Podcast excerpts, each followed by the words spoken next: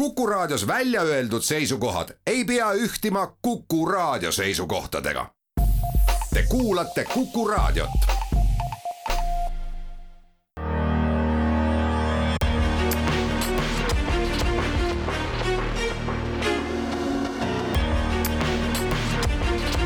välismääraja. lugupeetud Kuku Raadio kuulajad, rahulikku teist adventi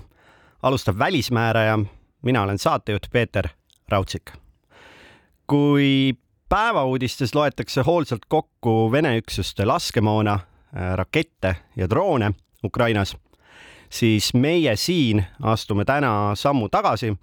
ja vaatame suuremat pilti. sõda kui riikidevaheliste suhete fenomeni,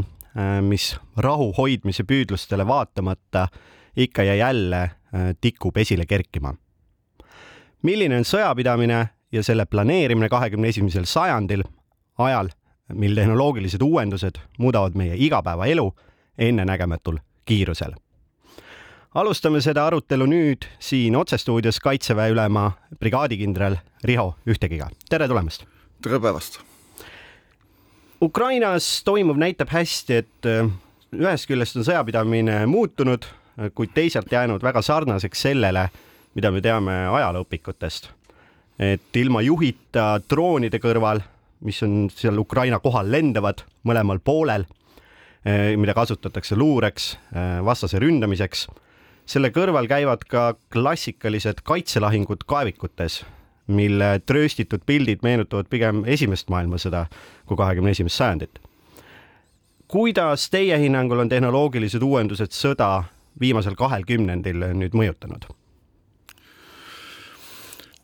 Tavaliselt ongi äh, sõja puhul selline probleem, et äh,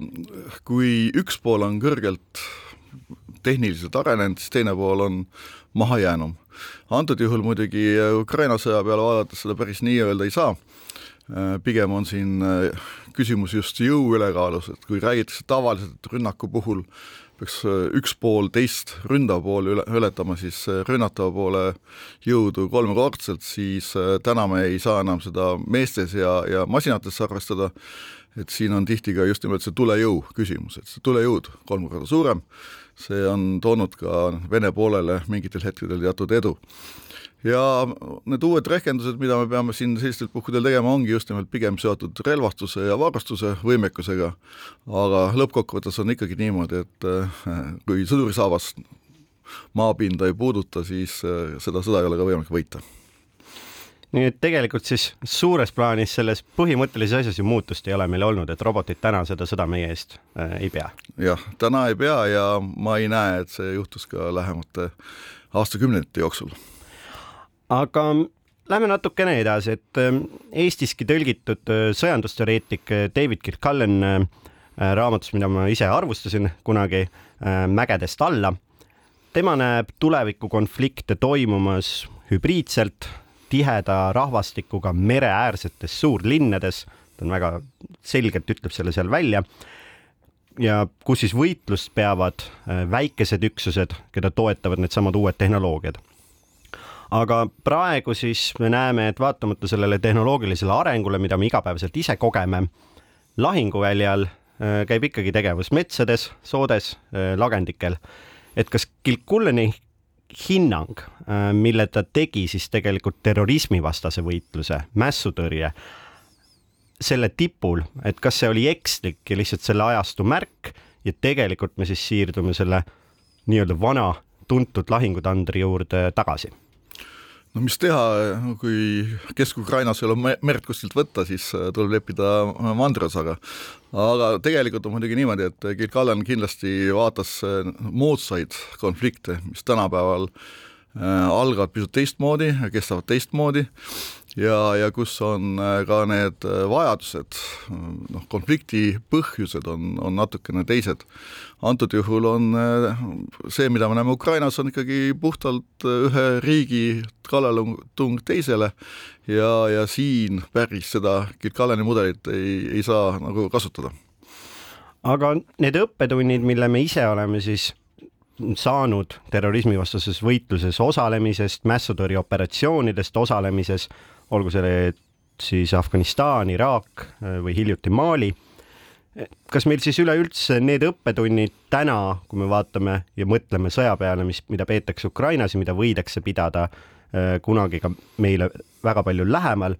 kas need kogemused, kas nendel üldse on väärtus siis konventsionaalse sõja jaoks või tegelikult on see midagi hoopis teistsugust? kindlasti on ja kui me tuleme sellesama Kilkaneni öeldu juurde tagasi, siis just nii Ukrainas sõditakse väikeste gruppidena, ähm, toetatuna äh, kõrgest tehnoloogiast ja, ja sest äh, olgem ausad, ega äh, kuigi öeldakse, et seal sõdivad pataljoni taktikalised grupid, siis tegelikult sõditakse ikkagi rühma ja jaokaupa isegi mõnes kohas see on üks asi, teine asi on see, et, et alati tuleb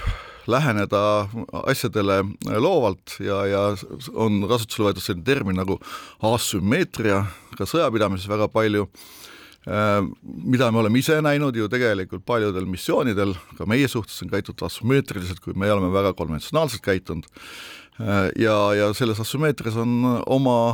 sellised nüansid, äh, mis võimaldavad tegelikult nõrgemal poolel ka vastasele vastu hakata, näiteks kasutada väikeseid üksusi hajutatult suurel maastikul koondatud vastase vastu, äh, võimaldamata siis enda vägesid puru lüüa.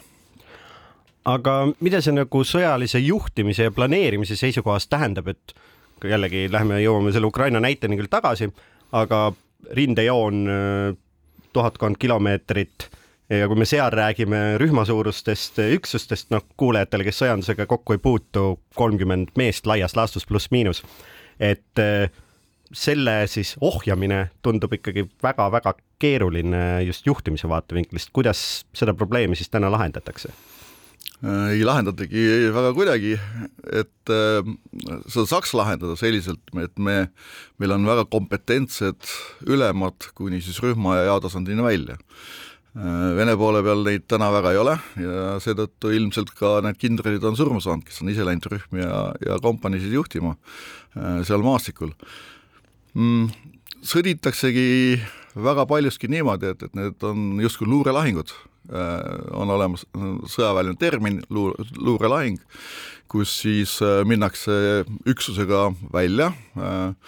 protseeritakse vastase nii-öelda tuli, avastat-, märgitakse ära, kus kohas ta on, tõmbutakse tagasi ja pannakse suurtükituli peale või siis teiste kaudtulirelvade tuli peale selge, aga selles ähm, noh, see meenutab ka natukene seda, mis meil tegelikult ju Eestis toimub, millest palju räägitakse, et see väikeste üksuste kasutamine, aga noh, meie räägime eeskätt sellest äh, kaitsest lähtuvalt. Äh, just sellised partisanisõja elemendid äh, klassikalises mõistes, kui ma nüüd ei eksi. et kas Venemaa sõjalises doktriinis on sellel ka koht või nad täna on lihtsalt sundseisus, kuna nad lihtsalt avastavad, et nendel puudub teatav kompetents ja nüüd asjad juhtuvad nii või tegelikult, kas nad ka doktriinijärgselt on selleks valmistunud ette? Ma usun, et nad on partisanisõjaks küll valmistunud ja, ja seda on nad teinud läbi terve Nõukogude Liidu aja ka hiljem, kuid probleem on siin selles, et partisanisõda saab pidada omal maal, äh, mitte siis võõral maal. võõral maal olles äh, küll ka kasutatakse nii-öelda põrandalust tegevust või siis äh, neid poolehoidjaid, aga see ei ole enam partisanisõda, sõda, vaid see on pigem on just nimelt selline äh, noh, põrandaaluse võrgustiku kasutamine. Ja seda ei ole kunagi nii palju, et sellega annaks siis partisanisõda pidada. see, mida nad teevad seal kaevikutes ja, ja kuidas nad sõdivad, ongi, nad üritavad siis konventsionaalset sõda pidada rühmade kaupa. No see tundub ikkagi võrdlemisi lootusetu ettevõtmine, eriti just seda asja kuidagi koos hoida ja sellega siis ka midagi saavutada. Aga me jõuame siit natukene juba järgmise teema juurde, milleks on siis hübriidsõda, sõnapaar, mida siin loobitakse ühel, ühes ja teises suunas. Ehm, põhimõtteliselt siiski idee on selles, et sõda äh, ja selle pidamine ja see konflikt hägustub, selle piirid hägustuvad. Ja üks osa sellel on olnud vähemalt suurriikide puhul ka erasõjafirmade kasutamisel, et ma meenutan siin ise Äh, kuidas näiteks Iraagi sõjas ju rahvusvahelise õiguse mõttes nii mõnedki kõige tundlikumad ülesanded sattusid tihtipeale just USA jaoks töötanud erasõjafirmade kätte ja kellest kurikuulsam kindlasti oli Blackwater, keda iraaklased meenutavad kahe tuhande seitsmendal aastal toimunud siis Anissuri veresaunaga, kus siis seitseteist tavalist inimest tegelikult said läbi nende eraettevõtjate käe surma aga noh, Venemaa puhul loomulikult äh, käib siin jutt äh, Wagneri grupist, kes on tegutsenud nii Süürias äh, kui nüüd ka Ukrainas. kuidas hinnata erasõjafirmade kasutamist riikide poolt ja mis on selle siis eelised või ka puudused just planeerimise ja juhtimise seisukohalt? Noh, era, erafirma puhul on tegu firmaga, kes pakub teenust, ehk siis tegelikult tema ülesanne on anda täisteenus professionaalsete töötajatega siis. ja täpselt samamoodi kehtib see sõjaväljal. Wagneri sõdurid on kindlasti märksa paremini ette valmistatud kui keskmine Vene sõdur. ja mm, nad teevad seda raha eest saad, nad peavad saama selle eest päris head palka, et äh, seda teha ja, ja, ja läbi selle, see on nende motivatsioon. Neil ei ole teist motivatsiooni, kui me võtame tavalise sõduri mobiliseeritu, siis mis on tema motivatsioon, tal sisuliselt see puudub. vastupidi, ta võib-olla tahtis, üritas kõrvale hoida, püüti kusagilt linna pealt kinni ja, ja tema motivatsioon ongi see, et, et ellu jääda ja ära minna. Nende meeste motivatsioon on saada paremat palka ja riigi jaoks on soodne selles mõttes, et et äh, sa ostad täis paketi teenust, sul endal ei ole vaja millegagi vaeva näha. põhimõtteliselt peaks olema niimoodi, et Wagner siis muretseb oma töötajatele nii relvastusvarustuse, äh, laskemoona, kütuse, transpordi, absoluutselt kõik, mis vaja on ja, ja riik äh, ei pea siin ise sealjuures vaeva nägema. Venemaal see muidugi päris nii ei ole, aga, aga nii ta peaks enam-vähem olema. aga mm, jah, ma jäin mõtlema nende mobiliseeritute peale ja just siin äh, mõned päevad äh, tagasi olid kaadrid Kaasani väljaõppe baasis siis, äh, kus mehed lihtsalt õhtu pimeduses marssisid paarikümnekesi väravast välja ja ütlesid, et hvatit aitab ja meie jaoks on see osa läbi. Ehm, aga juhtimise vaatevinklist ikkagi, et kas noh, siin tekib ju väga selge probleemid, et kas siis allutakse ettevõtte juhtkonnale, antud juhul näiteks Prigožinile eh, või siis eh, Vene kesksele sõjaväelisele planeerimisele Kaitseministeeriumis? lõppude lõpuks allutatakse sellele, kes teenuse ostab, et ähm, kui see on Vene Kaitseministeerium, siis eh, ettevõte allub sinna ja täidab neid ülesandeid ja käske. aga mm, piiride hägustumisest äh, sõjas äh, annab ka aimu äh, konfliktide rahvusvahelistumine ja selle teema juurde me tuleme tagasi pärast lühikest pausi.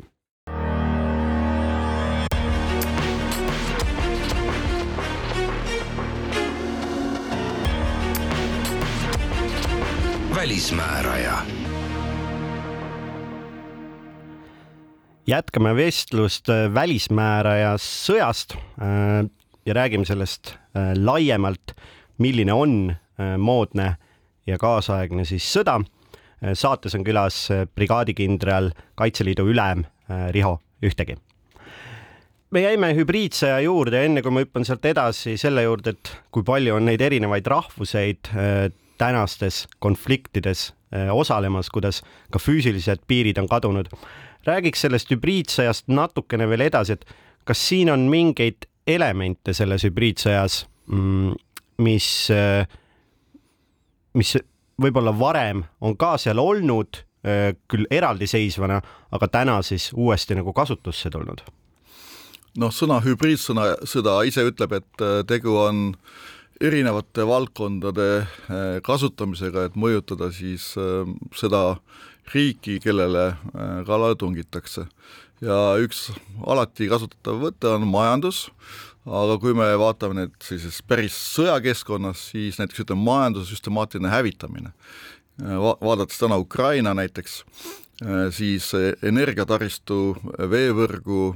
hävitamine on üks osa sõjapidamisest, kus siis tegelikult püütakse Ukraina rahvale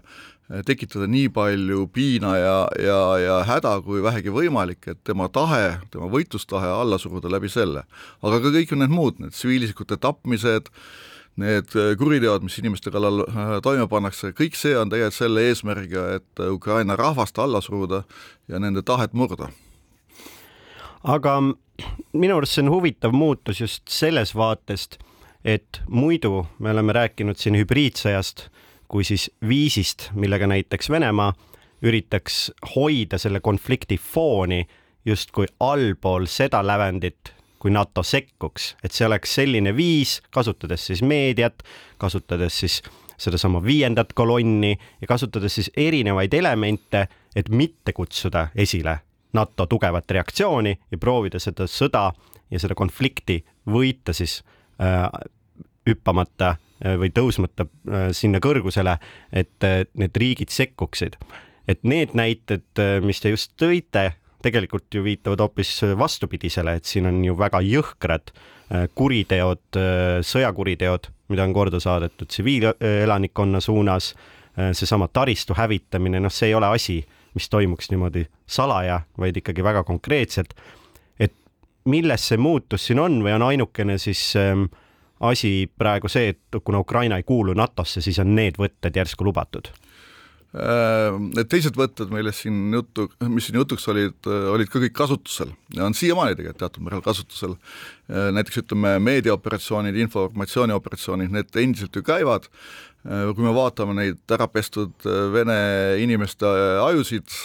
mis endiselt usuvad, et tegu on ikkagi ukrainlaste poolse rünnakuga ja, ja, ja midagi sellist ei ole toimunud, paar päeva tagasi rääkisin ühe Ukraina tuttava, kes rääkis loo sellest, kuidas Venemaale kolinud ühe Ukraina sõduri õde äh, sai siis äh, oma vennalt äh, telefonikõne, kus vend ütles, et, et tema, nende kodumaja on hävitatud ja, ja see õde ütles, et ta ei usu seda, vend saatis pildi majast, õde ütles endiselt, et, et see on mingi vale täiesti, et, et seda ei saa olla, midagi sellist ei toimu. et see näitab, kui ära pestud need ajud seal ikkagi peavad olema selleks, et, et noh, ütleme selliseid täiesti käega kasutavaid äh, märke mitte näha. aga kõiki neid prooviti, äh, ma ütlen, et see Ukraina sõda on tegelikult koosneb kahest sõjast. esimene sõda kestis tõesti kümme päeva, nagu nüüd ka mingitest lekkinud paberitest ju näha on, ja, ja see kümnepäevane sõda pidigi olema erioperatsioon nii-öelda, kus kasutati just nimelt äh, kõiki neid samu võtteid, sealhulgas näiteks viiendat kolonni plaaniti kasutada efektiivselt, ei võetud arvesse seda, et, et äh, Ukraina rahvas äh, rahvana tõuseb siis tegelikult oma riigikaitsele. Ja, ja kui see esimene ots läbi kukkus, siis mindi teisega. Ehm, sõda oli juba alanud, äh, seal enam midagi peita ei olnud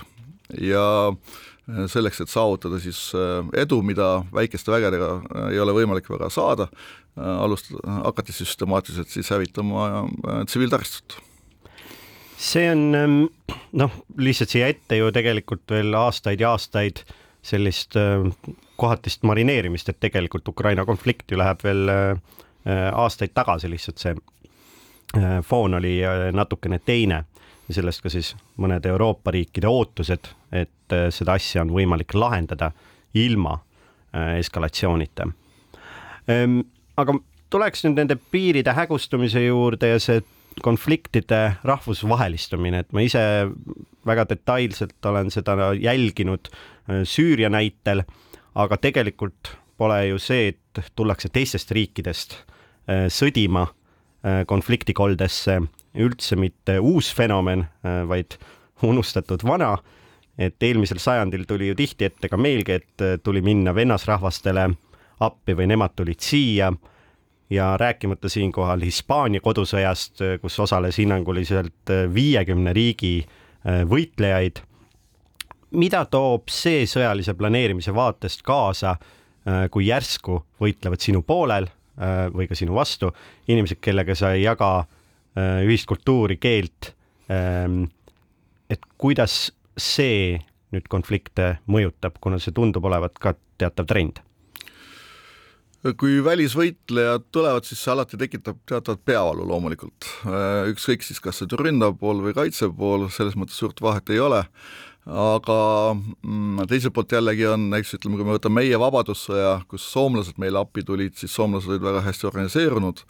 samas nende kuulsus äh, on alati olnud venelaste silmis äh, selline hirmu, hirmus ja, ja äh, nad on alati olnud siis sellised, kes on tegelikult sobinud meiega kokku. nüüd kui kujutame ette, et meil tuleks siia näiteks hispaanlased või tuleksid veel mingid Aafrika riigist võitlejad, siis nendega me näeksime parajalt probleeme siin. Kindlasti, nagu ka venelased nägid tegelikult ju äh, Aafrikast äh, toodud jõududega ja, ja või siis Lähis-Idast toodud jõududega. Ja, ja, ja need on alati olnud probleemsed seetõttu on kõige parem, kui appi tulevad need, keda sa mingil määral tunned ja äh, noh, kui me vaatame näiteks ütleme Eesti tingimust, siis äh, kui NATO riikidest näiteks tulevad inimesed, siis äh, tavaliselt nad on samade põhimõtetega, samade elustandarditega nagu meie, ehk siis nende käitumine on üsna sarnane meie omale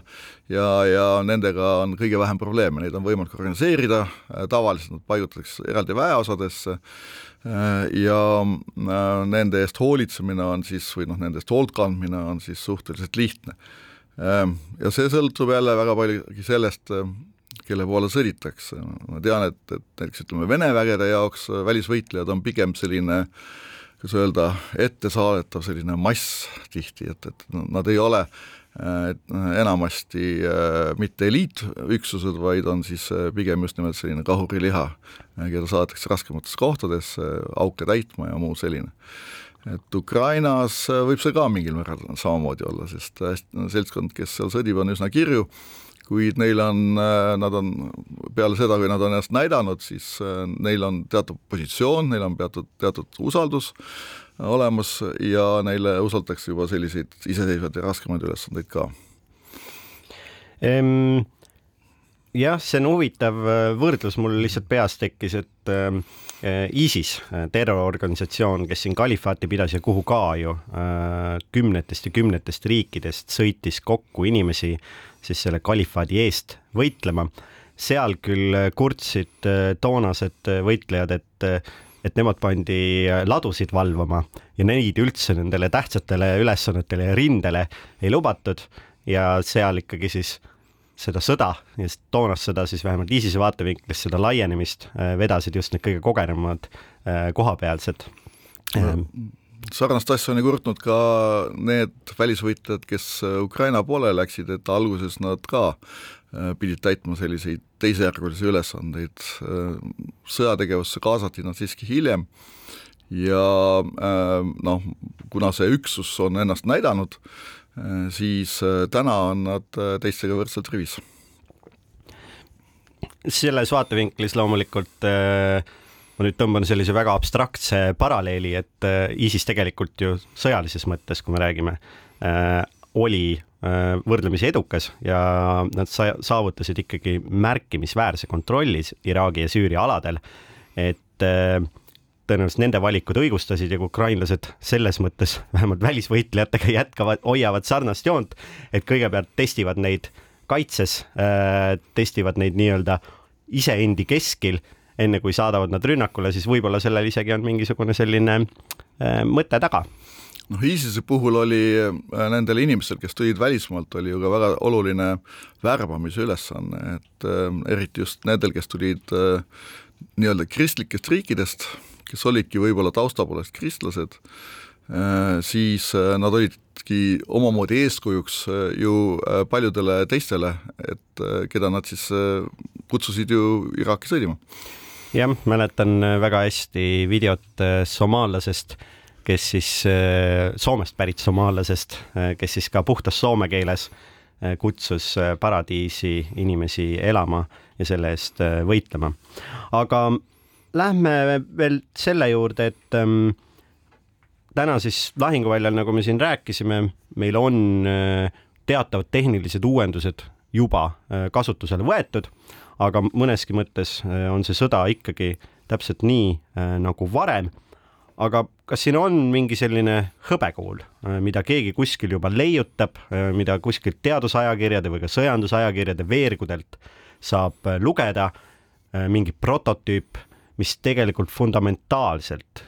põhimõtteliselt muudaks seda, kuidas me täna sõda peame, ehk siis noh, väga sarnane, ma mõtlen selles liinis, et mida internet tegi näiteks meediale, et kas selline uuendus on kuskilt terendamas kas sõjaväelaste jaoks eks sama internet on muutnud ka väga palju sõjapidamist ju. paljud juhtimis, juhtimisasjad käivad ju üle, üle neti, võrgupõhiselt tehakse väga palju asju, võrgupõhiselt kogutakse informatsiooni, tuvastatakse inimesi, leitakse vägesid ja kõik muu Äh, noh, kosmoses on veel ruumi äh, arenemiseks ja, ja ma näen, et, et üsna palju hakkab tulevikus äh, kosmoserelvastus kindlasti mõjutama seda, mis maa peal toimub. kui täna on sealt rohkem, saadakse sellist luureinformatsiooni, siis tulevikus võib see täiesti olla ka see, et sealt hakatakse näiteks ütleme, ründama maapealseid objekte Äh, siis äh, noh, kuna tuumarelv on selline keeruline teema, siis äh, järjest rohkem otsitakse lahendusi võimsama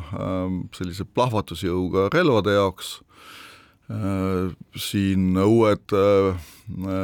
suurtükimürsud ja, ja, ja, ja pommid, mida kasutusele võetakse, mis ei ole mitte vaakumpommid, aga mis kasutavad samuti vedelikupõhist lõhkeainet, on lõhkejõuga, mis, mis ületab mitmekordselt tegelikult dünamiidi äh, põhise lõhkeaine jõu, äh, siis kindlasti robotite tulek siiski ja droonide tulek on üks selline plahvatuslik asi, mis praegu toimub, kui me vaatame sõjandusest tagasi, siis veel viisteist, kakskümmend aastat tagasi oli meie jaoks selline väga uudne ja, ja niisugune väga harv kasutatav asi täna on põhimõtteliselt igal mehel on äh, droon taskus äh, ja lennutab seda ja saab äh, infot koguda. Veelgi enam, ma arvan, et, et järjest rohkem tulevad päevakorda tapjadroonid ja tapjarobotid, kuigi jah, et, et siin on see robotite puhul on see küsimus, et kas robot võiks tappa või mitte, et see on see igihaljas küsimus, aga noh, sõjanduses nad tulevad tahes-tahtmata ja siin ei ole midagi teha, et see on ilmselt valdkond, mis tuleb, aga ma ikkagi väidan seda, et, et äh, lähiaegadel äh, inimene on see, kes tegelikult lõpuks ikkagi selle sõja kas siis võidab või kaotab. no siis me mõnes mõttes peame ikkagi sellel Kilcallani ennustustel hoogu maha tõmbama, et see muutus, äh, mida tema ootas ja ikkagi juhtumas väga kiiresti, et tegelikult tänane konflikt Ukrainas, aga ka võimalik konflikt kaugemas tulevikus, näiteks äh, Lõuna-Hiina merel, Taiwanil, et äh, see keerleb ikkagi selle ümber, et kelle sõdurisaabas on millise saarekese peal, äh, millise küla keskväljakul ja sellest ikkagi sõltub ka selle sõja ja rindejoone kulg. Väga palju kindlasti praegu pigem on selline tagasiminek selliste rahvuste teemade juurde, ehk siis tegelikult rahvaste juurde, rahvakaitsetahe äh, määrab väga palju selle, mis saama hakkab ja, ja järjest rohkem tuleb jälle pöörda territoriaalkaitse, totaalkaitse, sellised põhimõtted, äh, mis siis tegelikult määravad ka lähiajal äh, sõja tuleviku. ja riigi, riik kui suverään. aga aitäh selle vestluse eest. Läheme edasi või lähme pausile ja jätkame õige pea, aitäh, brigaadikindral Riho Ühtegi, Kaitseliidu ülem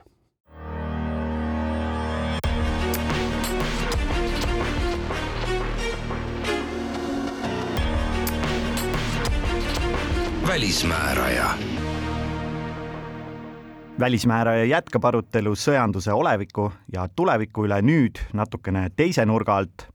stuudios on külas Tehnopol startup inkubaatori juht Kadri Tammai, kelle taktikepi all peatselt alustab tööd Eestisse loodav NATO innovatsioonikiirendi Diana. tere tulemast! tere hommikust! alustaks natuke laiema küsimusega kuivõrd Vene agressioon Ukrainas ja agressiivne hoiak siis äh, regioonis on mõjutanud äh, siinsete meie kodumaiste, aga ka laiemalt Euroopa iduettevõtete tegevust kuna saate olemus on paljuski välispoliitiline, et siis äh, ma pean kohe alustuseks ära ütlema, et mina ennast kuidagipidi välispoliitika ekspertiks kohe kindlasti ei tituleeri, küll aga julgen ja oskan kaasa rääkida nendel teemadel tõepoolest, mis iduettevõtteid ehk startup ettevõtteid puudutab. Ja kui küsimus on, kuidas siis seda sektorit on mõjutanud tegelikult äh, see sõda ja agressioon, siis kahtlemata ja väga otseselt on mõjutanud, et äh, noh, ma arvan, et Eesti Eestis ei ole ühtegi inimest, äh, keda see tegelikult otsesemalt või kaudsemalt ei mõjutaks ja idusektor kindlasti ei ole ka kuidagipidi siit puutumata. paar nädalat tagasi toimus Euroopa üks suuremaid tehnoloogiakonverentse Portugalis Lissabonis nimega Web Summit Äh, NATO asepeasekretär äh, David Van Wiel esines ka, tutvustas kogu äh, Diana initsiatiivi seal ja ütles väga selgelt välja, et ta näeb ja tunneb, kuidas tegelikult ähm, needsamad riigid, kes Venemaa piiri ääres on, on muutunud väga palju aktiivsemaks ka tehnoloogiasektori vaatest ja seda on väga selgelt tunda siin Eestis ka. et tõepoolest see sektor mitte ainult ei mõtle kuidas äh, aidata Ukrainat ja kuidas äh, olla väga hästi valmis kaitseks ka ise, vaid äh, reaalselt arendabki neid tehnoloogiaid. Väga palju on neid näiteid, kus ähm, ettevõtjad, investorid, kes varasemalt pidasid sellist noh, kaitsesektorit selliseks tsooniks, kuhu näppe ei taha sisse panna. Ehk siis äh, investorid investeerinud äh, nendesse sektoritesse, startup'id ei mõelnud reaalselt selle peale, et nad võiksid üldse mingit puutumust äh, kaitsetööstusega või selle sektoriga omada, siis nüüd on selgelt see pilt muutunud nii et tegelikult siis Ukraina sõda on natukene isegi laiendanud äh, nende ettevõtete sellist maailmavaadet. Kahtlemata ja mitte ainult nagu tehnoloogia arenduse mõttes, et äh, siin on absoluutselt paslik äh, tuua välja superhäid näiteid, kuidas näiteks Eesti investorkogukonnad on ju seljad kokku pannud, et reaalset abi osutada kas või sõidukite, muu vajaliku varustuse osas Ukrainale, et see seltskond on väga, väga suurt panust omav. Seda kindlasti, aga nüüd äh, see on selles suhtes huvitav mõte, et äh, ettevõtted nüüd järsku avastavad enda jaoks justkui seda kaitsetööstuse äh, maailma, sest et kui ma nagu mõtlen tagasi natukene varasematele konfliktidele ja noh, äh, teema, millega ma olen võib-olla paremini kursis, näiteks Liibüa ja lii-, kodusõda Liibüas, siis seal ikkagi juhtus sarnane asi natukene väiksemal skaalal küll ja vähem võib-olla oli seal taga neid suuri institutsioone aga mis juhtus, oli siis see, et kui kodusõda algas, äh, mässulised hakkasid seal grupeeruma, hakkasid seda sõda äh, Muammar Gaddafi vastu pidama, siis väga kiiresti äh, me nägime, kuidas näiteks tollel hetkel, siis kümme aastat tagasi, sotsiaalmeedia hakkas seda konflikti mõjutama kuidas sõnumirakendustes õpetati mässulisi kasutama raketiheitjaid, kuidas kasutama mingisuguseid relvi, õpetati foorumites ja nii edasi, et tegelikult see konflikt puhkes, tekkis probleem, vajadus ja siis väga kiirelt äh, tehnoloogia inimesed reageerisid. et see paindlikkus on huvitav. aga nüüd ma saan aru, selle kiirendi töötab natukene teistmoodi, et moodi, et seal justkui peaks ennetama ja need lahendused peaksid sündima enne kui need konfliktid, et selle tavalise võib-olla äh, loogikaga läheb see vastuollu, kas siis vastuollu, aga vähemalt äh, natukene teistmoodi töötab. aga mul on siin see küsimus, et kas selliseid kiirendeid, äh, seda startup maailmale pandavat ootust on maailmas veel või on NATO selles mõttes teerajaja, et nüüd on kaitsetööstusel oma kiirendid? No kui me vaatame Ameerika poole, siis äh, kindlasti selline tehnoloogia kaitsetööstuse käsikäes käimine on rohkem harjumuspärane ja tavaline olnud, et äh, tulles Euroopa poole tagasi, siis äh, mitte nii väga. Aga NATO Diana kiirendi puhul on ka kindlasti ülioluline aru saada ja ära märkida, et see tegelikult ei ole ainult kaitsetööstusettevõtetele suunatud kiirendiprogramm, Äh, väga selgelt NATO positsioneerib selle kiirendi kaksikkasutusele ka tehnoloogiatele. Ja mida see tähendab, see tähendabki tegelikkuses seda, et äh, sellise kiirendiga on oodatud liikuma äh, need meeskonnad, kes arendavad kõrgtehnoloogilisi tooteid, teenuseid, mida on võimalik kasutada nii tsiviilkasutuses, olenemata siis sektorist, on see energeetika, on see transport, on see sidelahendused, midagi muud, kui ka siis äh, kaitsesektoris. ja siinkohal tegelikult isegi, et kui te tõite ennem selle paralleeli, et kas midagi on ennetav või midagi tuleb järgi, siis see nii-öelda lineaarne aegtelg ei olegi siinkohal oluline sellepärast, et see kiirendi loogika hakkab siis äh, baseeruma sellel, et äh, NATO teeb äh, kõigepealt sellist ideekorjet alliansi liikmesriikide hulgas, millised võiksid üldse need probleemid või suured sellised ähm, vajadused olla, millele siis lahendusi otsitakse. Ja siis uue aasta alguses äh, plaanitaksegi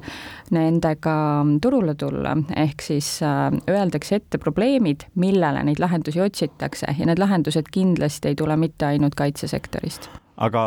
need probleemid on defineeritud riikide poolt, ehk siis tegelikult äh, sellest üldine kaitsetööstuse põhimõte, et klient on justkui riik, et see peab ka seal ikkagi jätkuvalt paika Need äh, probleemide sisendid saavad kõik riigid anda tõepoolest. Äh, probleemid sõnastatakse siis äh, NATO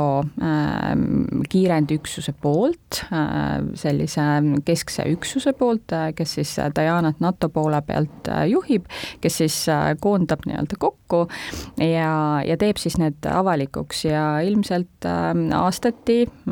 võib-olla kiirendi kohortide kaupa hakkavad need probleemid kindlasti olema siis siis äh, erinevate variatsioonidega ja on noh, väga suur tõenäosus, et äh, et kindlasti äh, moel või teisel kõik need Ukraina sõja õppetunnid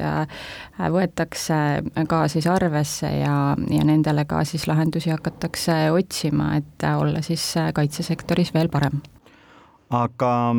siit käis korra läbi ka mõte sellest, et USA-s on see olnud natukene süvendatum ja kuidagi loomulikum ja pikemat aega kestnud koostöö nende kahe sektori, siis kaitse ühelt poolt ja tehnoloogiaettevõtted.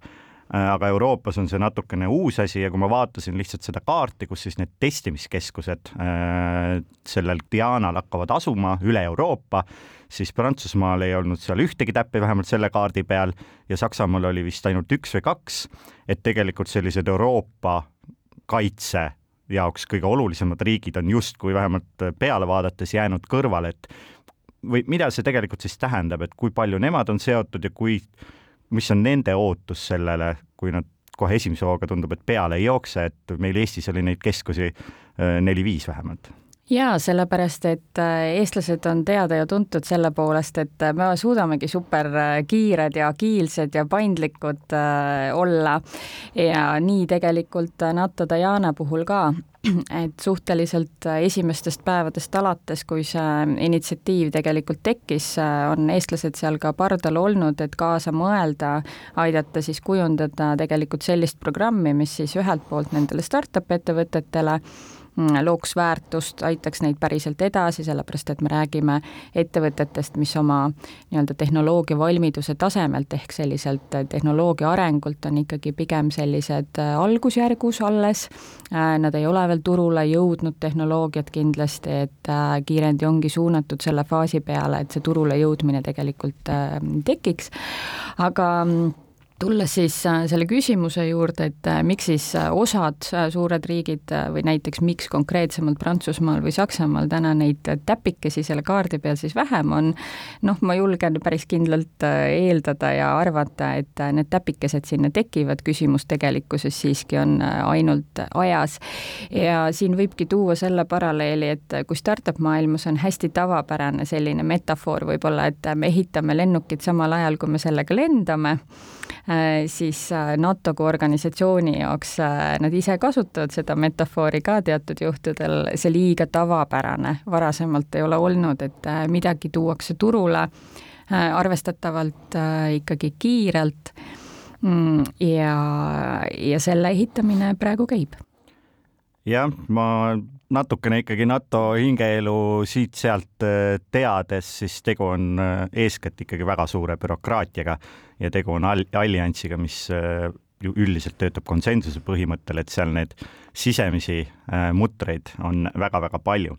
aga ma küsiks veel seda, et kuidas nagu iduettevõtjate endi poolt, et ühelt poolt meil on nüüd noh, tekkinud selline suurem kaitsetahe, vajadus ja nagu me aru saime, nüüd siis Ukraina konflikt on seda süvendanud, valmisolekut ka panustada, aga tegelikult jällegi, kui me nagu noh, sammu tagasi astume, siis sellesama USA näitel, kus see koostöö on kestnud, seal on ka olnud ju ikkagi väga palju probleeme ja need probleemid on olnud sellised, et need tehnoloogilised lahendused, äh, kui need on sündinud koostöös kaitsetööstusega, siis sinna pannakse kümme punast templit peale need sisuliselt riigistatakse ja need võetakse nii-öelda tavakasutusest ära ja noh, kui me eelmise sajandi peale mõtleme, siis näiteks krüptograafia kasutamine oli ju pikalt äh, sõjaväe ja luureasutuste pärusmaa ja siis see, et need, see tehnoloogia lõpuks jõuaks avalikku kasutamisesse äh,, kogu see avaliku võtmesüsteemiga krüpteerimine, asjad, mis täna meil kõigil telefonis töötavad et eh, see võttis ikkagi väga palju ponnistamist, kohtulahinguid ja kestis tegelikult peaaegu kaks-kolm aastakümmet. Et kas iduettevõtjatel täna seda hirmu ei ole, et nad tulevad maailma parandava lahendusega, teevad seda koostöös siis NATO-ga ja tegelikult äh, kaitsetööstus või siis kaitsevaldkond äh, võtab selle nendelt ära või muudab selle kasutamise erinevate piirangutega hoopis raskemaks, kui neil algul nagu mõttes oli. et nad sellepärast võib-olla hoiavad ka eemale selle hirmu ma tahan kindlasti kohe maha võtta, ehk siis äh, ma julgen väga selgelt siin öelda, et tegelikkuses on kaardid pöördunud. kui me vaatame tehnoloogia arengut ka, see kõik, mis tõepoolest äh, aastakümneid tagasi paljuski sai sõjatööstusest alguse, tehnoloogiline areng kosmosetööstusest täpselt samamoodi, et äh, täna noh, mina siis võib-olla erasektori poolt vaadates kindlasti julgen öelda, et see erasektori innovatsioon on võib-olla ikkagi suurem veel. ja väga-väga palju relevantset äh, innovatsiooni ka kaitsetööstuse jaoks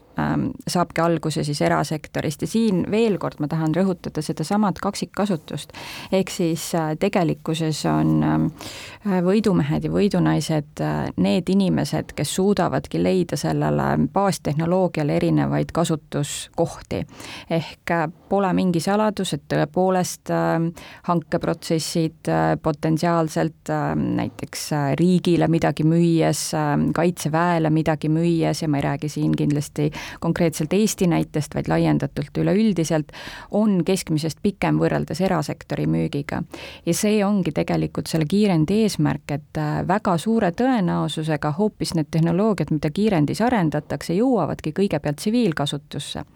Nendesse on valmis investeerima erakapital, suured riskikapitalifondid just seetõttu, et tegelikkuses äh, see müügitsükkel ei kesta kaks aastat, vaid kestab võib-olla kaks kuud, kui erasektorile müüa.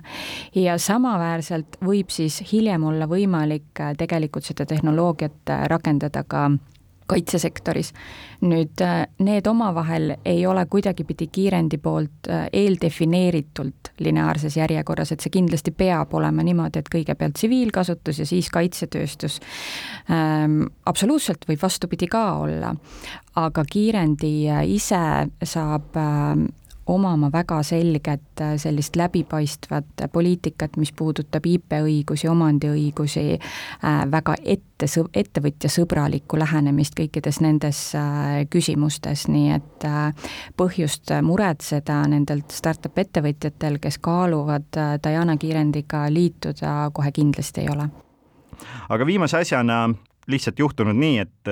viimastes välismääraja saadetes me ei saa kuidagi mööda Hiinast Äh, kuidas me ka tahaks. ja küsin siin ka, et äh, kuna just tehnoloogia valdkonnas me väga palju tegelikult ju Hiinale ja sealt pärit äh, vidinatele toetume, et kuidas siis see geopoliitiline pingestunud suhe Hiinaga, erinevad võimalikud sanktsioonid ja piirangud, mis on tulnud ja võib-olla ka tulemas, kuidas see mõjutab iduettevõtteid, aga võib-olla ka siis konkreetsemalt Diana tööd tulevikus noh, tuleb tõele au anda, et kui me vaatame siin siis äh, kitsamalt ja räägime Eestist, et siis äh, Hiinast ikkagi äh, Eesti startup sektorisse liiga palju välisinvesteeringuid ei tule, et need jõujooned kindlasti nagu startup maastiku mõttes on oluliselt rohkem seotud Skandinaavia, Euroopa ja Ameerikaga, ehk siis riskikapitalifondid, val-, varajases faasis ka Eesti ümber olevad ingelinvestorid siis investeerivad neisse ettevõtetesse, aga aga ma ütleks, et ähm, NATO kiirendi ja kiirendiga kõrvale ähm, loodav või ähm, eraldi nii-öelda üksusena loodav NATO investeerimisfond, äh, mis saab olema ühe miljardi suurune, nii et me ei räägi väikestest summadest, tuleb absoluutselt õigel ajal ehk siis äh, tegelikkuses tekibki selline usaldusväärse kapitali nimekiri, ühelt poolt äh, tekitame siis meie ja kõik teised kiirendid ka, mida luuakse selliseid usaldusväärseid startup'e, kelle taustad on äh, kontrollitud äh,, neisse on roheline tuli investeerida erakapitalil ja teiselt poolt on äh, siis kontrollitud ka need investorid. ehk siis mis raha täpselt äh, tegelikult investeeritakse nendesse startup ettevõtetesse, nendesse kõrgtehnoloogilistesse meeskondadesse, mida loodetavasti äh, tulevikus efektiivselt saab kasutada ka kaitsesektor aitäh, äh, tänan saatesse tulemast Kadri Tammai Tehnopolist. enne kõnelesime veel Kaitseliidu ülema Riho Ühtegiga. mina olin saatejuht Peeter Raudsik. järgmine Välismääraja on eetris juba nädala pärast pühapäeval kell üksteist.